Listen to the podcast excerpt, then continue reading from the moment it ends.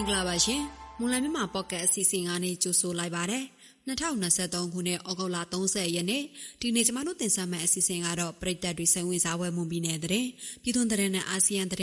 သတင်းပေးပို့ချက်ပြည်သူတွေသိထားတဲ့နေ့စဉ်ကုန်စည်နှုန်းသတင်းအချို့တွေကိုအစီအစဉ်ပထမပိုင်းမှာရွေးချယ်တင်ပြပေးသွားမှာဖြစ်ပါတယ်။ ဒါပြင်မွန်အမျိုးသားလူမျိုးရေးအတွက်ဆက်လက်တိုက်ပွဲဝင်ဖို့မွန်ပြည်ကကွယ်ရေးတပ်ကတိုက်တွန်းလိုက်တဲ့သတင်းပေးပို့ချက်ကိုတင်ဆက်ပေးပါမယ်။ဟုတ်ကဲ့ပါဒီကနေ့အစီအစဉ်မှုကတော့ကျမနွန်တဲ့ကတာဝန်ယူတင်ဆက်တော်မှာဖြစ်ပြီးကျမနဲ့တူကိုအကာကသတင်းတွေကိုကူညီဖတ်ကြားပေးတော်မှာဖြစ်ပါတယ်။နားဆင်နေကြတဲ့ပရိသတ်အားလုံးကိုမင်္ဂလာပါလို့နှုတ်ခွန်းဆက်တာပါရစေ။ကျွန်တော်အကာကသတင်းတွေကိုကူညီတင်ဆက်ပေးတော်မှာပါ။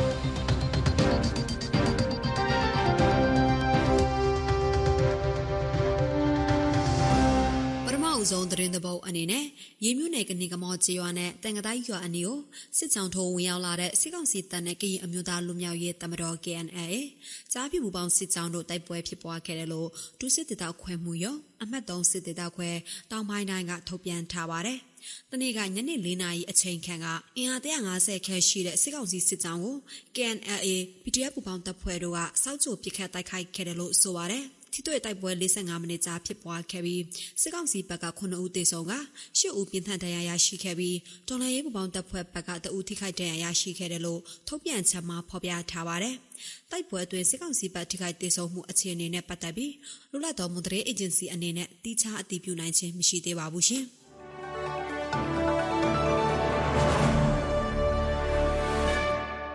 နောက်ထပ်သတင်းတစ်ပုဒ်အနေနဲ့မိုးစပါးထွက်တဲ့အချိန်မှာစံစည်းတွေပြန်ကျလာနိုင်တယ်လို့မွန်ပြည်နယ်အတွင်းကစံကုန်တယ်တွေကခံမှန်းထားကြပါတယ်။စစ်ကောင်စီကကျပ်2000တန်ငွေစကုအသစ်ထုတ်ဝေမယ်လို့ကြေညာခဲ့တဲ့ဇူလိုင်လ23ရက်နေ့နောက်ပိုင်းမှာစံစည်းဟာအမျိုးအစားပေါ်မူတည်ပြီးတိုက်ကိုကျပ်9000ကနေကျပ်1000အထိဈေးထပ်မမြင့်တက်လာခဲ့တာပါ။ကျပ်ငွေတန်ဖိုးဆက်တိုက်ကျလာတဲ့အတွက်စံစည်းဝက်မှာယင်းနှိမ့်မြုံနှံမှုပိုများလာတာကြောင့်စံစည်းနှုံမြင့်တက်လာတယ်လို့စံကုန်တယ်တွေကပြောပါတယ်။ ဆန်အပါဝင်ကုန်စည်နှုန်းမြင့်တက်လာရတာဟာကုန်တယ်တွေဈေးကစားတာကြောင့်လို့စစ်ကောင်စီကပြောဆိုထားပါတယ်။လက်ရှိမိုးမီနယ်ဈေးကွက်အတွင်းမှာပေါ်ဆန်းမွေးဆန်ဈေးဟာအနှိမ့်ဆုံး38000ကနေအမြင့်ဆုံး31000အထိပေါက်ဈေးရှိနေပြီးအမထဆန်တဲကိုအနှိမ့်ဆုံး6900ကနေအမြင့်ဆုံး9200အထိပေါက်ဈေးရှိနေပါတယ်ခင်ဗျာ။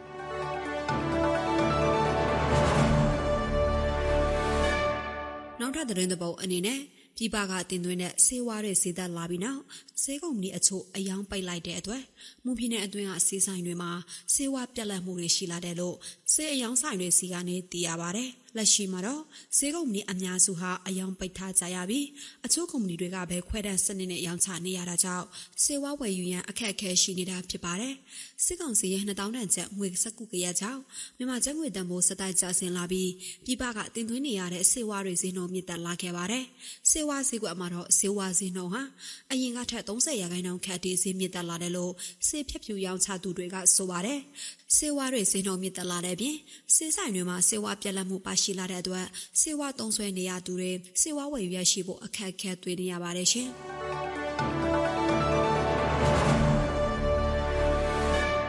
နောက်ထပ်သတင်းတစ်ပုဒ်အနေနဲ့ရန်ကုန်တိုင်းဒေသကြီးမြောက်ကလာပါမြို့နယ်ရွှေပေါက်ကံမြို့တဲ့ကစာတင်ကျောင်းတစ်ကျောင်းမှာမူရစေဝါတုံးဆွဲလို့ကျောင်းသား9ယောက်ကိုကျောင်းထုတ်လိုက်တယ်လို့ဒေသခံတွေကပြောပါတယ်။ မြောက်ကလာပါမြို့နယ်ရွှေပေါက်ကံမြို့တဲ့ပကံလမ်းမပေါ်ကအမှတ်30အထက်တန်းကျောင်းခွဲမှာမူရစေဝါတုံးဆွဲတဲ့ကျောင်းသား9ယောက်ကိုဆရာတွေကဖမ်းဆီးရမိခဲ့တာပါ။ဒါကြောင့်ပြီးခဲ့တဲ့ရက်ကအဲ့ဒီကျောင်းသား9ယောက်စလုံးကိုကျောင်းထုတ်လိုက်တာဖြစ်တယ်လို့သိရပါတယ်။စစ်တပ်အာဏာသိမ်းပြီးတဲ့နောက်မြန်မာနိုင်ငံမှာမူရစေဝါဟာအလွယ်တကူဝယ်ယူရနိုင်တယ်လို့နေရာတိုင်းမှာရောက်ရှိနေတာဖြစ်ပါတယ်ခင်ဗျာ။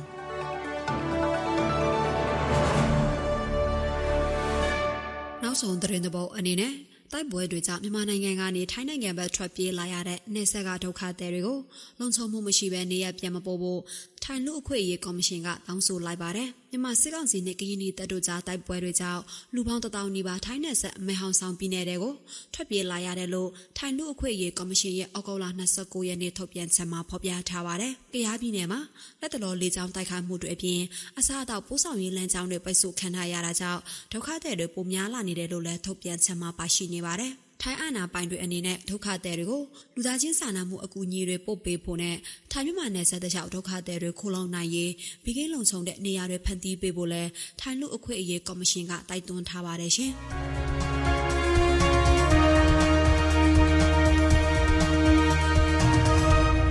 ပြည်သူတွေသိထားတဲ့နေ့စဉ်ကုန်စည်နှုန်းသတင်းချို့တွေကိုမော်လမြိုင်ကုန်စည်တိုင်းကအချက်လက်တွေကိုချိန်ခံပြီးတင်ဆက်ပေးပါဦးမယ်။ ထိုင်းနဲ့မြန်မာငွေလဲနှုန်းကတော့ထိုင်းဘက်103ဝယ်ဈေးရှိနေပြီးရောင်းဈေးက106.38ရှိနေပါတယ်။ဒေါ်လာဈေးကတော့အမေရိကန်ဒေါ်လာကိုဝယ်ဈေးမြန်မာငွေ3630ရှိနေပြီးရောင်းဈေးကတော့3930ရှိနေပါတယ်။ကျွေးစင်းတော့ကမီလင်းစကြောက်ပိတ်တစ်ကြက်သားကိုအပြင်ပေါက်စေ38သိန်းဝန်းကျင်မှာရှိနေပါတယ်။73စီးတွေကတော့ဒီဇယ်တလီတာကို2515ကျပ်အောက်သိန်း62တလီတာကို2330ကျပ်နဲ့ 65တလီတာကို2455ကျပ်အထိရှိနေတာပါ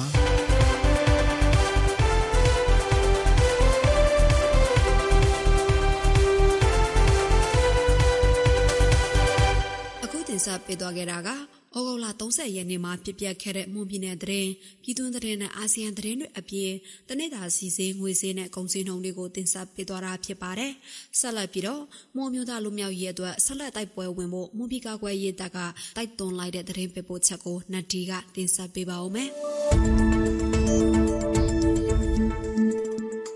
လက်ရှိစစ်ကောင်စီကိုနိုင်ငံတော်ဝန်လက်နက်ကင်တော်လှန်နေတဲ့အချိန်ကားကိုလက်လွတ်မခံဘဲမိမိတို့ရဲ့မွန်အမျိုးသားလူမျိုးရေးအတွက်ဆက်လက်တိုက်ပွဲဝင်ဖို့မွန်ပြည်ကာကွယ်ရေးတပ် NSDF မှအောက်ကထာဒေါက်တာတီရီမွန်ဆန်းကတိုက်တွန်းပြောဆိုလိုက်ပါတယ်။အရင်ကမိမိတို့တိုင်းရင်းသားတွေရတရထိုက်တဲ့ကိုကန်စမာကူပန်တီခွေနဲ့အမျိုးသားလူမျိုးရေးအတွက်တိုက်ပွဲဝင်လာခဲ့ကြကြောင်းဒါကြောင့်မိမိတို့အနေဖြင့်လဲလက်ရှိအခွင့်အရေးကိုလက်လွတ်မခံသေးဘူးလို့သူကဆိုပါတယ်။အခုလိုအခြေမျိုး တနိုင်ငံအနှံ့ပေါ့နော်ဒီဟိုစစ်ဆိုရကိုပဲပြောပြောဟိုအစိုးရမျိုးဆိုပြီးဒီလိုမျိုးဟိုတနိုင်ငံအနှံ့အသွင်ဆောင်တဲ့တိုက်ပွဲမျိုးတစ်ခါမှမရလာခဲ့ဘူးဟိုတန်းချောက်ပဲအခုအချိန်မှကြတော့ဟိုဒီနေ့ပါလဲကျွန်တော်တို့ဒီအဖိနှိတ်ကန်တိုင်းရင်းသားလက်နက်ကိုင်ဖွဲ့စည်းတွေအတွက်ဟိုဒီနေ့ပါလဲကောင်းတဲ့အခွင့်အရေးပါပဲဟိုဒါကြောင့်ပဲဒီဟိုရတော့ရခဲ့အခွင့်အရေးတွေကိုကျွန်တော်တို့ ဟိုမွန်လူမျိုးတွေပေါ့နောက်အခုမွန်လူမျိုးသားမွန်မွန်တော်လာရင်းနေဆိုဟိုလက်လွတ်အဆုံးရှမခံဟိုအမိရဆုတ်ခံပြီးတော့အမျိုးသားလူမျိုးကြီးနောက်ပြီးတော့မိမိတို့ကံကြမ္မာမိမိတို့ပန်တီခွေရက်ဒီရေးအတွက်ဟိုဒီနေပါလေဒီလက်နဲ့ကန်တိုက်ပွဲနဲ့ဟိုဒီနေပါလေဟိုဆက်လက်ပြီးတော့ဟိုလှုပ်ရှားသွားမှသာကျွန်တော်တို့လူလာတဲ့အမျိုးသားလူမျိုးကြီးအာနောက်ပြီးတော့ဒီမိုကရေစီအတွက်ဟိုဒီနေပါရက်ရှိလာတယ်ပါ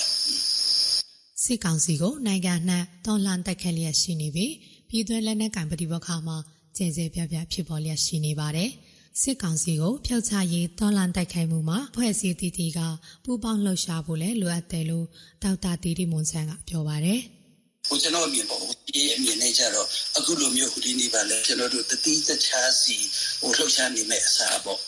ဥမာဟိုပြည်ပြည်နေမှာဟိုကေယူကဟိုလှုပ်ရှားနေတာနေတဲ့ပုံစံလိုမျိုး ကျွန်တော်တို့မွန်ပြည်နယ်မှာကျွန်တော်တို့မွန်ပြည်ကကွယ်ရေးတပ်ပြီးဖြစ်ကျွန်တော်တခြားလက်နက်ကိုင်တပ်ဖွဲ့ပြီးဖြစ်ဟိုအချိတ်ဆက်မရှိတဲ့ဒီလိုမျိုးဟိုလှုပ်ရှားနေမဲ့အစားပေါ့နော်တနိုင်ငံလုံးဟိုဒီတိုင်းဒေသကြီးမှာရောပြည်နယ်တွေမှာပါဟိုအချိတ်ဆက်ရှိရှိနဲ့အာအဲ့လိုမျိုးဟိုဒီနေပါလေစိတ်စီလှုပ်ရှားမှုတွေဟိုလှုပ်ရှားနိုင်ရင်တော့ရန်သူတော့ပို့ပြီးတော့ခက်ခဲဟိုဖြစ်မယ် မိမိတို့ရဲ့မွန်ပြည်ကာကွယ်ရေးတပ်အနေနဲ့လည်းမွန်ပြည်မြောက်ပိုင်းမှာမဟာမိတ်သူနဲ့ပူးပေါင်းက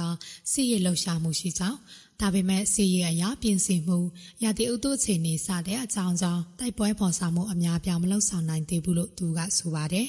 လွတ်လပ်ရေးမတိုင်ခင်ပထမဆုံးတိုင်းပြုတ်ပြည်ပြုတ်လွှတ်တော်ရဲ့ပြည်ထောင်စုအောက်ချုပ်ပေါင်းအခြေခံစီမင်းမှာမွန်းတို့ရဲ့အခွင့်အရေးဟာတလုံးတပါသားများဖော်ပြတာမခံရတဲ့အတွက်မိုးမျိုးချစ်ပုဂ္ဂိုလ်တို့ဟာ ဖာဆာဗာလာကြားဖြတ်ဆိုရထံတောင်းဆိုချက်ခုနှစ်ချက်ကိုတောင်းဆိုခဲ့ပေမဲ့မွန်နဲ့ပမာဟာတူတူဖြစ်လို့တေးစားခွေရပေးစရာမရှိဘူးလို့ဝန်ကြီးချုပ်ဦးနုကတုံ့ပြန်ခဲ့ပါတယ်။အဲဒီနောက်မိမိတို့မော်မျိုးသားသူရဲ့အခွေရမွန်အမျိုးသားလူမျိုးရဲ့အတွက်1948ခုနှစ်ဩဂတ်စ်လအတွင်းမွန်လူငယ်တစုကစတင်ပြီးမွန်တော်လှန်ရေးကိုဆင်နွှဲခဲ့ကြတယ်လို့သိရပါတယ်ရှင်။